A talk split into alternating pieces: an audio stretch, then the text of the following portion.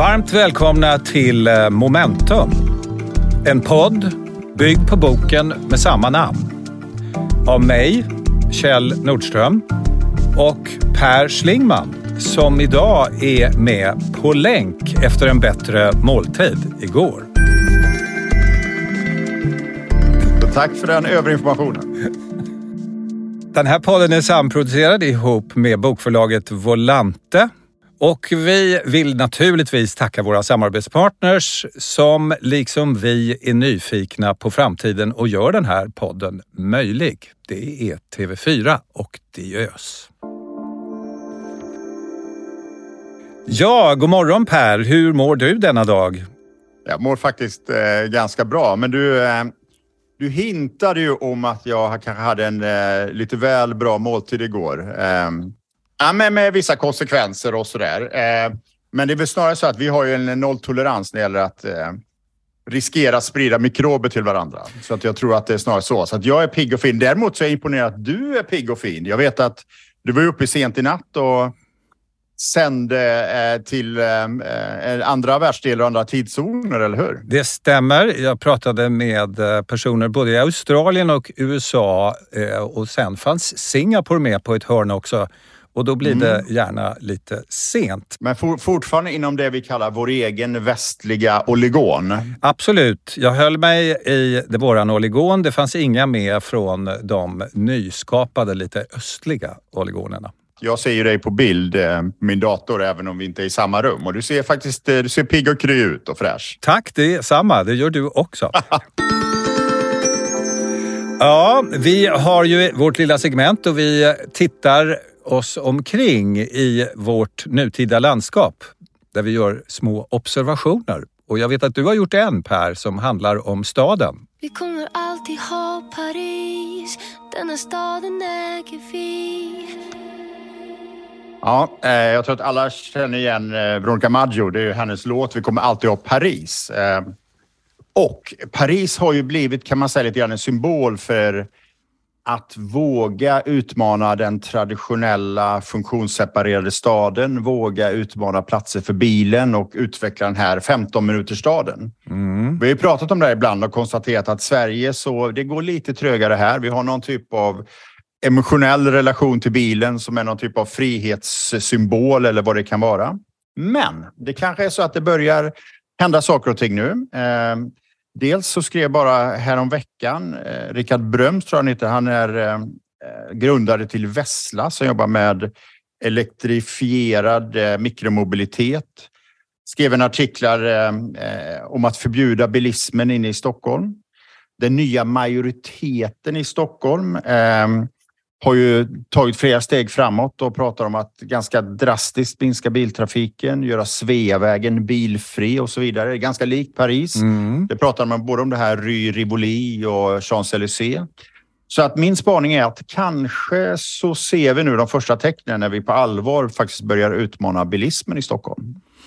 Det är ju inte så förvånande att en stad som Paris kanske är de som bryter mark. Det här har ju varit den kanske största turistdestinationen i världen om man mäter antalet besökare.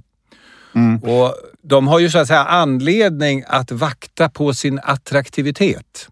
Ja, det, dels det skulle jag säga, men sen så tror jag det finns nog också en ganska rät korrelation mellan städer som har problem med luftföroreningar, med köer och sådär och att verkligen ta tag i den här typen av frågor. Och det är också intressant att se att den här idén om att liksom decentralisera staden eh, och att skapa stadsdelar och kvarter eh, som bygger på livskvalitet, tillgänglighet, verkligen i alla fall idémässigt tenderar att slå igenom ganska starkt. Eh, och jag vet att vi har ju ända sedan egentligen vi skrev den här boken Urban Express 2014 haft förmånen att prata med kommuner och regioner och olika delar. Och det, många, det har ju varit på mångas näthinna på något sätt det här att skapa 15 minuters städer. Vissa pratar om 10 minuters städer. 6 kilometers staden har jag hört. Allt, allt möjligt. Man hittar mm. sin egen form.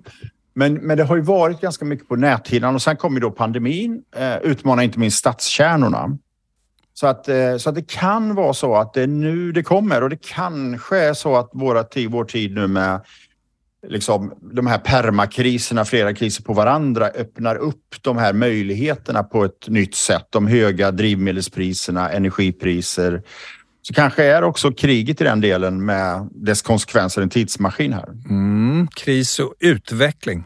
Du har eh, riktat blicken lite österut i, din lilla spaning. Mm, ja, jag har ju sett att det gnisslar lite i mötet mellan eh, oligonerna. I det här fallet en västoligon, vi själva, där vi själva finns, och en östoligon. Vi ska lyssna lite på vad Sergej Lavrov, Rysslands utrikesminister, säger i samband med ett toalettbesök här i Stockholm то, что я наблюдал в Швеции в прошлом году, когда мне показали дверь с буквами WC.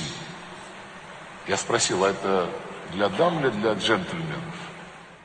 Ja, om någon av er skulle ha glömt bort sin ryska så vad Lavrov här säger är helt enkelt att han vill gå på toaletten men får sig berättat att här har vi tjejer och killar på samma toalett. Han fortsätter sen i den här berättelsen med att det är att betrakta som omänskligt, inget mindre än det, utan det är så att säga omänskligt att män och kvinnor använder samma toalett.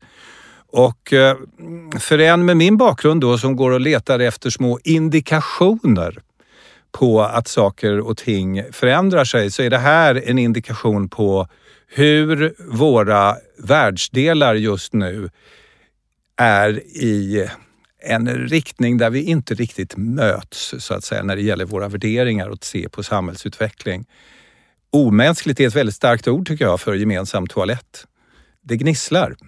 Ja men absolut. Och jag, om jag bara minns det här rätt så var det så att han tog ju också upp detta spontant på en fråga. Så det har liksom legat och gnagt hos honom det här. Det här omänskliga att vi faktiskt delar toaletter. Ja, jag, jag hade ju gärna velat ställa en fråga i det här sammanhanget och det är ju just hur han kommer till slutsatsen att det är omänskligt eftersom när jag kollade sist så är tjejer människor men vi kan mm. komma tillbaks till det. Mm. Nästa steg är om han nu kommer på besök igen, då tycker jag vi ska bjuda in honom på det finns ju de här förskolorna som har en eh, könsneutralt förhållningssätt som inte förhåller sig till kön utan betraktar alla som individer eh, och, och, inte förhåller sig till pojkar och flickor och så. Eh, och jag vet att, att eh, för många år sedan när jag var aktiv i politiken så var David Cameron som var premiärminister i Storbritannien här och väldigt nyfiken och intresserad både på det svenska förskolesystemet men också det det faktum att verkligen betrakta människor som individer och personligheter snarare än kön. Mm. Det skulle vara väldigt intressant att höra Lavrovs eh, analys av ett sådant besök. Jag får associationer till eh, vår eh, bajamaja om man skulle kunna gå hela mm. vägen så att säga och få en egen toalett. Det vore kanske det bästa. Det minst omänskliga. Jag, jag tror att Lavrov är van vid det. det, det är faktiskt så också att den svenska statsministern har sin egna toalett. Ja. Den är ganska svår att hitta. Den är svår att hitta. Den är omärkt. Ja, vi kommer säkert att komma tillbaks just hur det nu gnisslar i mötet mellan de här oligonerna, det vill säga olika mm. värdesystem som formas runt om i världen och egentligen är med och föder en ny värld bortom det som vi har kallat globalisering i 40 år. Nu över till eh, dagens huvudtema efter de här två utblickarna. En utveckling som syns just nu vara ostoppbar är det som har kommit att kallas polarisering. Det handlar ju i grunden om att våra samhällen glider isär. De delas upp, fragmentiseras kanske. Vi människor lever i större utsträckning än någonsin med olika verklighetsbilder och under helt olika förutsättningar. Det kan kläs i ord som att klyftorna ökar. Det är ju ett begrepp som vi använder här i Sverige ofta. Samtidigt är det så att om vi blickar bakåt så kan man ju konstatera att utvecklingen vi har haft har inneburit att alla har fått det lite bättre. Alla. Samtidigt som några få har fått det våldsamt mycket bättre och ofta fortare. Och kanske är det det här som är problemställningen. Ja, det är det här som är det luriga och utmanande i detta någonstans. Att, att det är fler som tjänar lite och fler som tjänar mycket. Och vi ska komma in lite grann på det. Att, att en helt central del i detta, inte minst om man tittar ekonomiskt, är ju att vi håller på att trycka tillbaka medelklassen. Ja, och du har siffror vi... på det tror jag. Ja, nej men absolut. Det finns, eh, man beräknar ju hur stor andel av befolkningen som utgörs av medelklass och siffror från 2019 eh, visar att fallet i Sverige eh, är ganska stort. Då föll vi från 72,6 procent som utgjorde medelklassen till 65,2 under den mätperioden man hade då. Så att det är så intressant också. Vi har ju pratat ganska mycket om det, Kjell, också och faktiskt skrivit lite om det i en, en eh, återigen om vi pratar Ryssland. Vi gjorde ju en, en eh, uppdatering om det här Urban Express när mm. den gavs ut i Ryssland och skrev en hel del om detta. Och utmaningen någonstans är ju att vi ser det i termer av ekonomi och filterbubblor, hur det påverkar politiska val. Men det är väldigt svårt egentligen att se vad vi kan göra åt det. Vad är motkrafterna? Mm. Vi brukar ibland säga det här att om vi tar klimatomställningen som ju är en av de stora ödesfrågorna. Där vet vi ganska väl vad vi behöver göra. Men när det gäller den här till synes närmast ostoppbara polariseringen eh, så är det väldigt, väldigt svårt att se vad är motkrafterna eftersom det i hög grad är teknologi som leder fram till detta, som förändrar arbetsmarknaden och inte så mycket politik. Nej, vi vet väl inte heller riktigt vad det är i teknologi som är med och skapar det här. De här materialistiska förändringarna för att tala i marxistiska termer, det vill säga att människor materiellt får förändrade villkor. Mm. Men hur tekniken är med och skapar det här vet vi ju ännu inte riktigt. Nej, utan på några områden kan man ju se det. Det ena är ju hela den här framväxten av plattformsekonomin som skapar en förmögenhetskoncentration. Man kan ju också tänka sig att teknologi förändrar arbetslivet, gör att nya färdigheter blir viktigare och värdeskapande. Vi ser också en utveckling där allt fler också läser högre utbildning och där gapet kanske ökar mellan de som gör det och de som inte gör det. Vi ser också en annan sån här undersökning. Jag försökte hitta den snabbt här, men jag lyckades inte riktigt. Men det är en undersökning där man frågade människor som bor i städer kontra landsbygd om de tror att ens barn kommer få det bättre eller sämre än en själv materiellt. Mm. Med väldigt väsensskilda svar där människor i städer är mycket jag har en mycket högre framtidstro. Eh, tror i mycket, mycket större utsträckning att ens barn får det bättre. Medan det är då det omvända på landsbygden. Men om vi liksom fördjupar oss lite i detta så kan man säga att det som vi väl har diskuterat mest det är ju egentligen vad det här har för effekter på samhällsutveckling och politik. Och det har ju de senaste åren, det är ganska parallellt tror jag delvis med mediesamhället förändras, framväxten av sociala medier, möjlighet att nå människor direkt. Eh, vi lever i verkligheter där vi påverkas av andra vi följer. Tittar vi bara på politik så är ju kanske Frankrike återigen, vi pratade inom det med Maggios låt, eh, återigen väldigt intressant. Eh, jag kommer ihåg när jag var inne i politiken, då, då var det franska partisystemet ganska likt det svenska. Det fanns liksom Socialdemokraterna, det fanns partiet som heter Republikanerna eh, som då leddes av Sarkozy. Ganska fast form. Ganska fast, gick att placera på en höger-vänster-skala. Sen tittar vi på hur det ser ut idag så är det ju väldigt, väldigt intressant. Det är en helt annan. Det är liksom Macron som leder ett lite oklart men i grunden ganska borgerligt marknadsekonomiskt tillvänt parti mm. som står mot Le Pen så att hela spelplanen är eh, annorlunda och bygger på något sätt på den nya tidens polarisering, nya tidens syn på verkligheten. USA har ju varit likadant egentligen ända sedan Obamas tid kan man säga. Det var ju som allra tydligast med Trump-Clinton. Kanske inte handlade så mycket alltid vad de ville göra utan snarare hur de såg på verkligheten och det såg att Trumps och Clintons väljare, det som kanske var den stora skillnaden mellan dem, det var hur de såg på verkligheten. Och vår verklighetsbild blir ju allt mer en perception om verkligheten och skiljer sig ju kanske allt mer från hur verkligheten de facto är.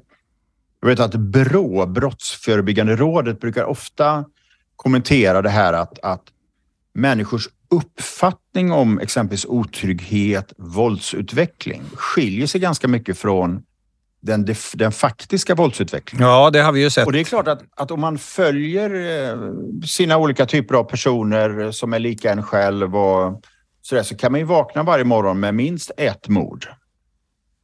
Och jag såg, det var ju ytterligare en bombning i, i Stockholm. Då intervjuade någon person som, som SVT sen tog bort på Twitter. Men han sa i intervjun så att det här är vardag nu, sa Det var hans perception. Men nu är det vardag med sprängningar. Tittar man faktiskt så är det klart att det inte är vardag med sprängningar. Det är inte så konstigt att en eh, kvinna, Emma Stenström, som är forskare på Handelshögskolan i Stockholm, har lanserat någonting som hon kallar för bubble hopping, där hon helt enkelt erbjuder guidade turer till andra bubblor. Och Det var väldigt intressant. Man, man testade en annan sån sak på det temat i USA. För där har man också väldigt, två väldigt dominerande partier med två väldigt olika verklighetsbilder. Men då kunde man, säg ponera att, man, att jag är republikan, då kunde jag switcha mina digitala flöden, alltså Facebook, till ett demokratiskt flöde. Det faktum att politik i någon mening kan ju tänkas på som svar på en fråga. Och mm. nu håller det på att formuleras nya frågor på många platser i världen och därmed är det ju inte så konstigt om hela skalan börjar så att säga byta form. Det vill säga det är nya frågor som ska adresseras. Absolut, och frågorna eh, adresseras på, på nya sätt. Tittar vi bara det senaste svenska valet så kan man säga att två frågor var ju väldigt tydliga. Det ena var ju brottsbekämpning. Alltså ju, ju tuffare och hårdare du är, desto bättre. Eh, och att vi lever i en tid av oerhört hög brottslighet eh, och att den, ingen är längre liksom fredad från den. Det andra som var väldigt spännande i termer av verklighetsbeskrivning, det var ju att kärnkraftsfrågan blev hela klimatfrågan. Man lyckades så säga, skapa en verklighetsbild. Man lyckades mm. få valet att handla om frågan kärnkraft, frågan migration, frågan av att tough against crime. Eh, och det är väl det som är politik väldigt mycket, att påverka verklighetsbilden. Eh, det finns ju det gamla begreppet problemformuleringsprivilegiet. Alltså den som har makten att definiera frågan kommer också att vinna debatten. Mm. Eh, och det är ganska tydligt. Jag vet att Agenda, SVTs program, fick ju våldsamt mycket kritik när de de hade en sån här fråga också i sin backdrop i studion som hette Hur mycket invandring tål Sverige? Jag vet inte om du minns det här? Jag minns den mycket väl. Vi kom ju från en värld när, eh, där verklighetsbilden var att mångfald eh, är i grunden bra. Det berikar, det skapar ekonomisk utveckling. Till att ganska tydligt så märkte vi att en annan verklighetsbild börjar konkurrera Eh, och jag tyckte det var så oerhört intressant när SVT själv tog det här steget som ett public service-företag. Får jag fråga dig Per, eh, för det kan det vara så. Vi kommer ju ur 40 år av att avreglera. Det startade ju egentligen med, med en tjej och en kille, Margaret Thatcher och Ronald Reagan, som drar igång en slags global rörelse kommer det ju att bli där vi släpper in marknadskrafter i nästan allting som vi människor ägnar oss åt. Vi prövar marknad i elmarknad, vi prövar att göra privatisera och släppa ut eh, offentliga transporter. Vi släpper in lite marknad där också och prövar om det blir bättre. Kan det vara frånvaro av politik som är med och förklarar den här polariseringen? 40 års frånvaro. Ja, jag, jag, tror att det är 40 års frånvaro av politik i det som väl Adam Smith definierar som politikens kärna. Han pratar om något som heter nattväktarstat. Ja. Nämligen politikens ansvar för den inre och yttre säkerheten, att det finns fungerande institutioner, och det är väl det som utmanas nu, både den inre säkerheten med hela rättsstaten, hur polisen fungerar, människors trygghet, den yttre säkerheten. Eh, var ju inte svårt att kunna förutse eh, då under de här 40 åren. För då var ju världsbilden tvärtom. Att det som händer i Ryssland är att de blir mer som vi. De öppnar upp, liberaliseras. Ja. Så det är klart att kombinationen av kanske en politik som ägnade sig åt andra frågor. Mm. Och det, finns också, det är också det här som gör att ett annat begrepp börjar komma in i diskussionen, nämligen begreppet samhällskontrakt. Mm. Som medborgare, som skattebetalare så ingår det någonstans ett kontrakt med samhället och politiken. Eh, och det kontraktet har ju någonstans handlat om att eh, man är med, man bidrar, man betalar och man får någonting tillbaka. Det här var ju Socialdemokraterna oerhört intelligenta när man exempelvis införde barnbidragen. Att inte bara ge det till dem med behov, utan till alla. Alla. Mm. Så att kontraktet är någonting som alla känner att man får del av. Folkhemstanken är ju egentligen ett stort samhällskontrakt på den tiden. Mm. Som handlar om att förflytta hela samhället framåt, alla människor. Och jag tror att, att det som har hänt är ju att många människor upplever att, att samhällskontraktet inte levereras inte på samhällskontraktet när det gäller just de här liksom nattväktarstatsfrågorna. Mm. Och det var väl Leif Östling också, han fick ju väldigt mycket kritik. Men när han ställde sig frågan så här, vad får vi för våra skattepengar? Ja, vad fan får vi? Var det till vad och med. fan får vi för våra skattepengar? Så tror jag att han hittade en ganska öm punkt. Och då var det väldigt kontroversiellt därför att verklighets... Vi var fortfarande inne i de här 40 lyckliga åren. Idag hade hans uttalande varit mycket, mycket mindre kontroversiellt.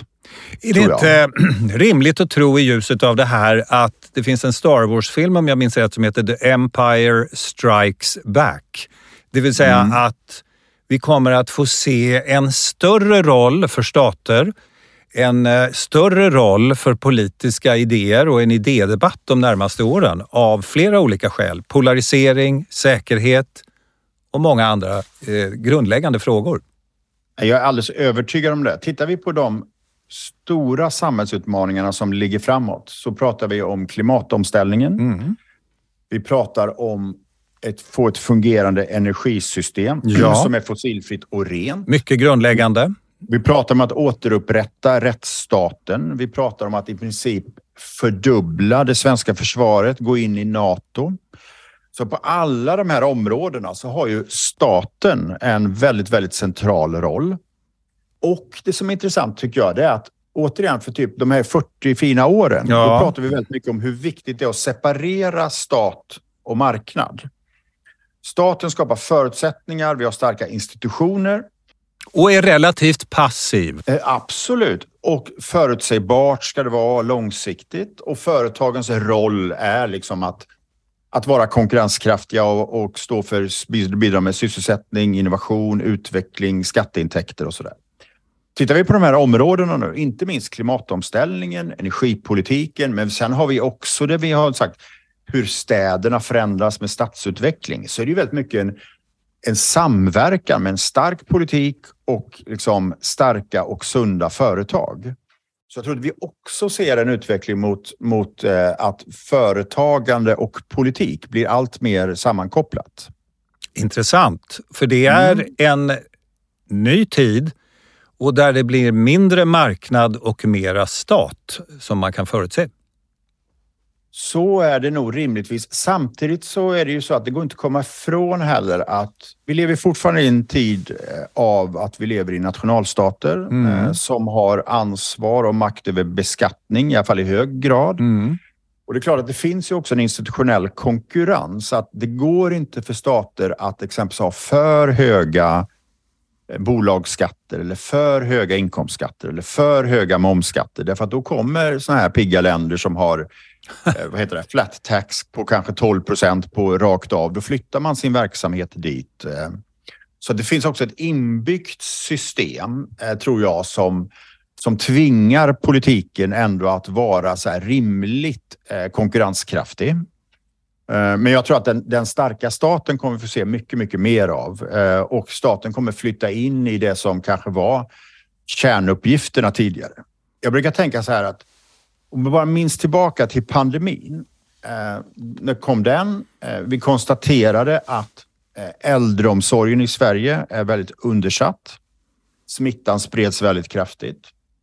Alla var överens om att den stora politiska frågan framöver kommer vara att rusta äldreomsorgen. Alla.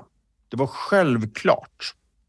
Tittar vi på det senaste valet, tittar vi på debatten idag, det är inte ett ljud om det. Utan det handlar om energi, klimat, rättsstat, polis, eh, försvar. Mm. Så det är så oerhört starkt det har tagits in här. Eh, och de här klassiska frågorna kring välfärdsfrågor, vård, utbildning och sådär eh, kanske får stå tillbaka lite grann, i alla fall i liksom vilka frågor vi prioriterar och diskuterar. Men jag tänkte så här att, att om vi lämnar politiken och bara tittar lite grann på ekonomin så är det ju så att, att det vi kallar då polarisering som i grunden bygger på att olikheterna ökar. Fler tjänar lite, fler tjänar mycket. Vi trycker tillbaka det som är däremellan. Vi har flera gånger pratat om det här att det är väldigt visuellt ibland. Är man på Regeringsgatan, tror jag det är, i Stockholm. Ja, där Rusta man- ligger i NK-huset. Exakt. In, det ligger liksom vägg i vägg och det finns ingenting däremellan. Eh, och det är väldigt tydligt. Jag, bara i, tror jag, häromdagen i Dagens Industri så var det en artikel om flyg och hotellindustrin. Mm. De intervjuar dem väldigt, väldigt tydligt. En kille som heter Alex, Alexis Barnekow. Han driver något som heter Chat Flights som är en bokningssajt. Och han menar att han är helt överrumplad nästan över hur mycket lyx ökar och hur mycket samtidigt det han kallar superlågpris ökar. Och han har ett citat som jag tycker säger väldigt, väldigt mycket. Han säger så här att superlågpris växer och det här, alltså lyx, växer. Ingen verkar vilja ha mellanläget. Och det är ju det vi ser någonstans. Tittar vi idag på framförallt fysisk eh, retail eller handel så är det väldigt tydligt så att budget, det vi kallar budget då, växer. Eh, Dollarstore, Jula, Rusta, Normal, Lidl, Ryanair, Lager 157 växer, etablerar nya. Eh, Rusta exempelvis. De har fått en miljon nya kunder sedan i våras. Alltså våren 22. Och de finns bara i Sverige, är det inte så? Rusta. Rusta vet jag inte. Jag tror att de är på väg att gå nordiskt. Ja, varför jag frågar är för det blir ju helt enkelt 10 procent av befolkningen har blivit Ja, ja nej, men absolut. Eh, och egentligen både Rusta men också en, sån här aktör som ICA märker väldigt tydligt att det här beteendet att handla vad vi kallar budget eller lågpris Ja. sprider sig nu mycket, mycket, mycket, mycket mer högre upp i inkomster. Eh, och samtidigt då så ser vi ju på den andra sidan då eh, hur lyx ökar. Jag tittade på LVHM, alltså världens, det måste väl vara världens största lyxkoncern med varumärken som Moët, Hennessy, Louis Vuitton. Eh, oerhört mycket som ju har en enorm tillväxt. Eh, alltså en organisk tillväxt mellan 21 och 22 på 28 procent. Och då ska vi säga, trots då att vissa marknader eh, har det tuffare, Kina och så vidare. Så att, så att det är en otroligt tydlig utveckling. Eh, och då kan man ju så här, det kan vi ju konstatera och det är ju intressant. Mm. Eh, men det är också så att man kan ju ställa sig några frågor kring detta. Det första tycker jag det är att det är väldigt, väldigt tydligt inom fysisk handel. Och det är väldigt tydligt inom resebranschen. Men digitala varumärken verkar mycket, mycket mer motståndskraftiga. Ja, det är väldigt intressant. Vad skulle Ja, det vi är kunna... oerhört intressant. Om vi tittar på sådana här som, jag sitter i styrelsen för Apotea, ett bra exempel, men också plattformarna Facebook, eh, Adlibris, Zalando. Det är klart att det finns ju plattformar som säljer lyx. Eh, det har ju gjorts försök eh, och det finns ju en del kineser, alltså Alibaba och sådär som, Ja. Som går på, på lågpris. Men någonstans så synes de digitala varumärkena vara mycket mer motståndskraftiga. Och då kan man ju ana att det finns en dimension i detta som handlar rätt mycket om identitet. Att, att hur man konsumerar, inte minst i den fysiska handeln, är ganska identitetsuttryckande. Det är en amerikansk konstnär som heter Barbara Kruger. I shop, therefore Mm. I am. Precis. Och när du shop online, det är inte så tillgängligt för alla utan det är mer rationellt, kanske mer fokus på pris och logistik. Även om, skulle jag säga, om, om varumärken spelar roll. Och vi ser ju också hur plattformarna eh, också skapar allt mer egna varumärken. Så att det är en utveckling som är väldigt lik eh, och vi kommer ju komma till ett läge när de egna varumärkena kommer behöva stå på egna ben också i onlinehandeln. Eh, men det, är väldigt, det tycker jag är intressant att notera och att fundera på eh, vad som möjligtvis kommer hända online. Men vad du säger är att webben är en, ett funktionellt maskineri där kunden så att säga löser ett praktiskt problem. Må det vara mediciner via Apotea eller matvaror eller strumpor. Poängen är att man löser ett, ett problem. Det är en funktion. Ja, och alternativt att man kanske ser ett plagg eller någonting man vill ha. Eh, man går in på Price Runner och sen köper man där den är billigast. Ja. Du kanske tittar på skorna på NK och sen så eh, gör du själva liksom handeln eh, online. Och det är ju så att då är det ju återigen den fysiska handeln som utmanas, som hamnar i kläm. Medans varumärkesägarna, alltså om du köper ett par, eh, någonting från Louis Vuitton eller... Och bygger identitet, för det är ju det man gör. Bygger identitet. Och det är också det som gör att vi ser att allt fler varumärken försöker också ha sina egna butiker därför att det blir mer av ett sätt att visa produkten, ett showroom. Eh, Eh, och att de, de kedjorna, plattformarna som finns tenderar att mycket mer också eh, fokusera på sina egna varumärken. Eh, det är en ständig diskussion vet jag kring de här stora sportvarumärkena. Ska de finnas på Stadium eller inte? Därför att Stadium tenderar, deras marginaler är mycket högre på deras egna varumärken än om de säljer, säljer Nike-skor och så vidare. Men jag tänkte det andra då som är intressant. Eh, det är ju att om vi lägger ihop polariseringen, budgetlyx, eh, med klimatomställningen, mm. med framväxten av det cirkulära samhället, den cirkulära ekonomin, så borde en rimlig spaning vara att det håller på att växa fram ett ganska kvalitativt eh, segment inom vad vi kan kalla budget och lågpris som är vintage. Borde vara så. Så det tycker jag att det är rimligt att ha en spaning på. Jag tycker en, en annan spaning eller insikt som är lite småintressant är ju att vi pratar ibland om budget och Rusta och Ryanair som varumärken som, som har väldigt svag leverans, ganska dålig service och så vidare. Samtidigt så tittar man, när man tittar på kundnöjdhet. Den är mycket hög. Den är mycket hög därför att de är oerhört tydliga och de är oerhört duktiga på att eh, svara mot de löften man har. Alltså Ryanair ställer inte ut några andra löften än att ta dig från A till B. Ja, det kommer att vara lite taggigt under vägen också. Ja, ja. Och om du väl är på B så är du väldigt, väldigt glad. Mm. Men så brukar jag tänka att, att om vi tar de här traditionella affärsflygen, det är oerhört otydligt idag vad man kan förvänta sig i termer av service, lounger och så vidare. Väldigt små problem i en resa med exempelvis SAS eller British Airways eller någonting gör ju att vi blir missnöjda. Medan samma, samma problem med Ryanair skulle vi inte ens notera. Men det är intressant. Jag tänker på vad du och jag pratar om. Hur marknader verkligen är så... Har, är det att betrakta det som en Ingmar Bergman-film heter, Så som en spegel. De är mm. verkligen en spegel av vad vi människor de facto gör. För det du och jag pratar om, det är ju mönster i handlingar. Absolut. Människor orienterar sig åt ett visst håll, konsumerar på ett visst sätt och det kan man så att säga inte argumentera med. De gör det. Det är inte vad vi mm. tycker, så att säga. Det är en faktisk Absolut. händelse. Ja, men precis. Så att man kan väl säga att, att vår, eh, vår hypotes i detta, det är ju att, att eh, polariseringen kommer att eh, drivas på och fortsätta ytterligare i takt med teknologisk utveckling. Politiken tror jag kommer försöka hitta svar i detta. Men jag tror också att eh, vi pratade i tidigare avsnitt lite grann om vad är inflation? Att det skapar förändrade konsument och kundbeteenden. Ja. Och jag tror vi ser här är ju också förändrade beteenden, kanske hos konsumenter där vi inte hade väntat det tidigare.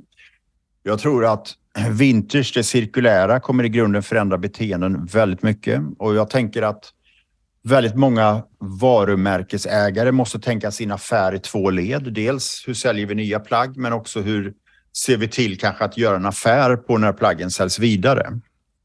Och det förändrar affärslogiken eh, ganska, ganska tydligt. Jag skulle också vilja bara avslutningsvis innan vi, när vi är klara med det här segmentet säga att ibland tänker vi ju människor som grupper och att människor är väldigt styrda av sin ekonomi och alla människor är liksom flockdjur. Men det är också så att intresse spelar väldigt stor roll. Det har ju gjorts en hel del studier eh, som visar att även om människor har ganska låga inkomster så finns det många människor som tycker vissa saker är så viktiga. Det är så en stor del av deras intresse. Ja, det är kul. Att det är kul. Ja, men det finns människor som kanske sparar ett år för ett restaurangbesök. Vi är ju båda ibland i, eh, ganska mycket på Gotland och i Visby. Där har man något som heter Stockholmsveckan. eh, och det, är, det finns många unga som kanske jobbar ett helt år och sen bränner man alla pengar på tre dagar.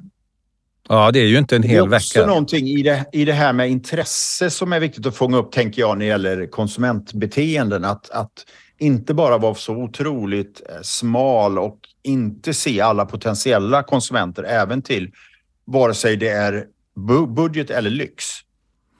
Och det här tror jag i hög grad också gäller Louis Vuitton eh, och deras kunder. Ja. Att här finns det många som sparar och målsparar helt enkelt. Ja, men absolut. Och samma sak om man tittar exempelvis på Lidl som har en hel del intressanta lokaliseringar. Exempelvis om vi fortsätter hålla oss i Stockholm så är de på Östermalmstorg. Eh, och jag har ju eh, tysk bakgrund så jag brukar ju, eh, frekventera det lite då och då. Och det är tveklöst så att, att köerna är mycket, mycket längre. Men skillnaden är att även om kön består av 15 personer så är det ingen som klagar därför att vi har inga andra förväntningar. Nej, de är ställda rätt. Det finns ett kontrakt. Exakt. Kanske ska lämna dagens ämne där eh, och jag tror att vi kommer få all anledning att komma tillbaka till detta därför att är det någonting som inflation tenderar att driva på så är det att den ökar polariseringen. Men den skapar också incitament för ny innovation eh, och jag tror att väldigt mycket av ny innovation kommer vi se kopplat till den här ekonomin som egentligen går från att vara den här liksom entaktsmotorn med medelklassen som får det bättre till den här tvåtaktsmotorn. Och det kommer ju vara väldigt, väldigt spännande att se. Det kommer påverka handel och våra städer och eh, oss själva tror jag. Det är ju en kris och därmed kommer det att driva utveckling. Tack så mycket Per för de eh, betraktelserna. Ja, tack själv. Det var kul att se dig denna morgon, även om det blev blott på en skärm. Den här podden är möjlig tack vare ett antal alldeles underbara samarbetspartners som är lika nyfikna på framtiden som Per och jag. Och I den här omgången är det alltså TV4 och Diös som är våra partners. Och eh, vi är ju väldigt nyfikna på vad de ser när de blickar framåt. Mm. Vi, har ju, vi har ju intervjuat dem eh, tidigare, de två sista episoderna ja. har vi intervjuat TV4 respektive Diös och eh, jag tycker TV4, om vi börjar där, det var ju väldigt intressant. De har ju, gör ju en serieprogram som heter TV4 Growth där du också har varit med tidigare och eh, även i liveformatet. Mm. Jag tycker det är väldigt, väldigt intressant när man på allvar, eh, också som det företag TV4 är, att verkligen ta sig tid och kraft och lyfta viktiga strategiska framtidsfrågor. Ja, för sig själv och för kunderna och i någon mening ytterst för samhället. Och det är det de försöker göra. Ja, det är väldigt imponerande tycker jag. Och jag tycker Diös är också ett väldigt, väldigt spännande företag. Det är ju ett företag som jobbar med stadsutveckling som är ju också ett fastighetsbolag men som finns i tio tillväxtorter i norra Sverige.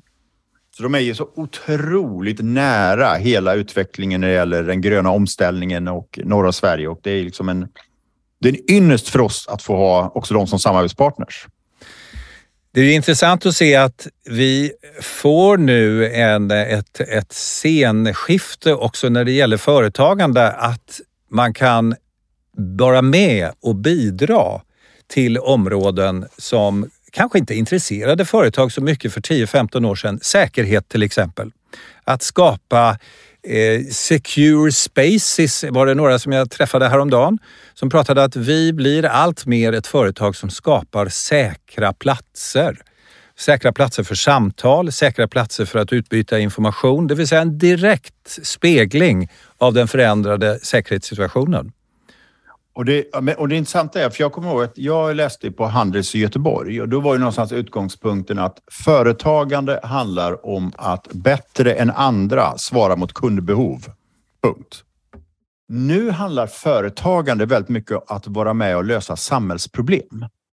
Och det är ett väldigt tydligt skifte. Jag hade en sån, det var otroligt energigivande. För eh, någon månad sedan så hade jag förmånen att prata för massa alumner inom UF, alltså Ung Företagsamhet. Ja. Alltså de var inte unga längre utan de var... Nej, de var ju ganska unga. Relativt sett mycket unga. Och sen, men samt, poängen då, samtidigt så var det final i en region. Så det var tre stycken UF-företag som pitchade sina idéer.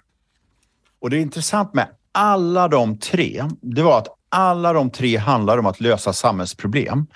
Ett om att hjälpa företag att anställa unga som har svårt att få jobb.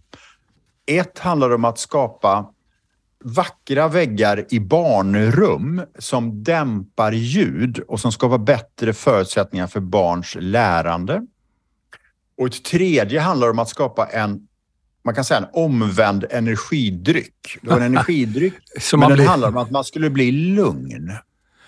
Ah, jag förstår. För att bli lugn, reflektera och kunna lära. Och det var så intressant. Det var inte det här att vi tar fram ett coolare mobilskal än andra, utan här handlar det om att hur kan vi hitta en kommersiell idé som löser ett samhällsproblem, eller som är med och löser ett samhällsproblem. Den logiken, den är ju helt ny. Ja, den kom, kanske kom den för några år sedan med en eh, bank som hette Grameen Bank som lånade ut pengar till fattiga kvinnor mm. och som hade som affärsidé att vara med och lösa problem kopplade till fattigdom.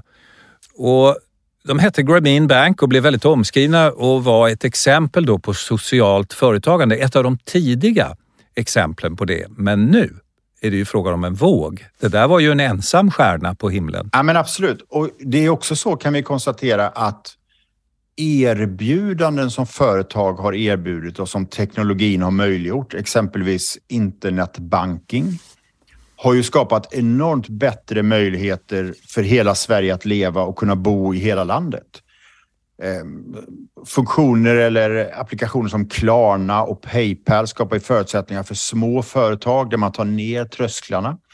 Så det är inte så att företag inte har bidragit till samhällsutveckling. Det har de ju gjort egentligen alltid. Mm. Skillnaden nu tror jag det är att perspektivet är mycket tydligare. Att det är genom att skapa samhällsförändring som också skapar en affär. attraktiva, framgångsrika företag energi, klimatomställningen är ett väldigt tydligt exempel.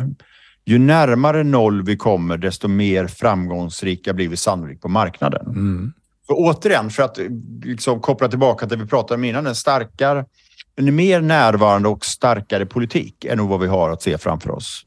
Och att vara entreprenör idag handlar också om att förstå samhälle och politik. Intressant. Det är ett mm. skifte. Mycket tydligt. Tack så mycket. Ni har lyssnat på podden Momentum av eh, mig, Kjell A Nordström och Per Schlingman som vi har producerat i samarbete med bokförlaget Volante.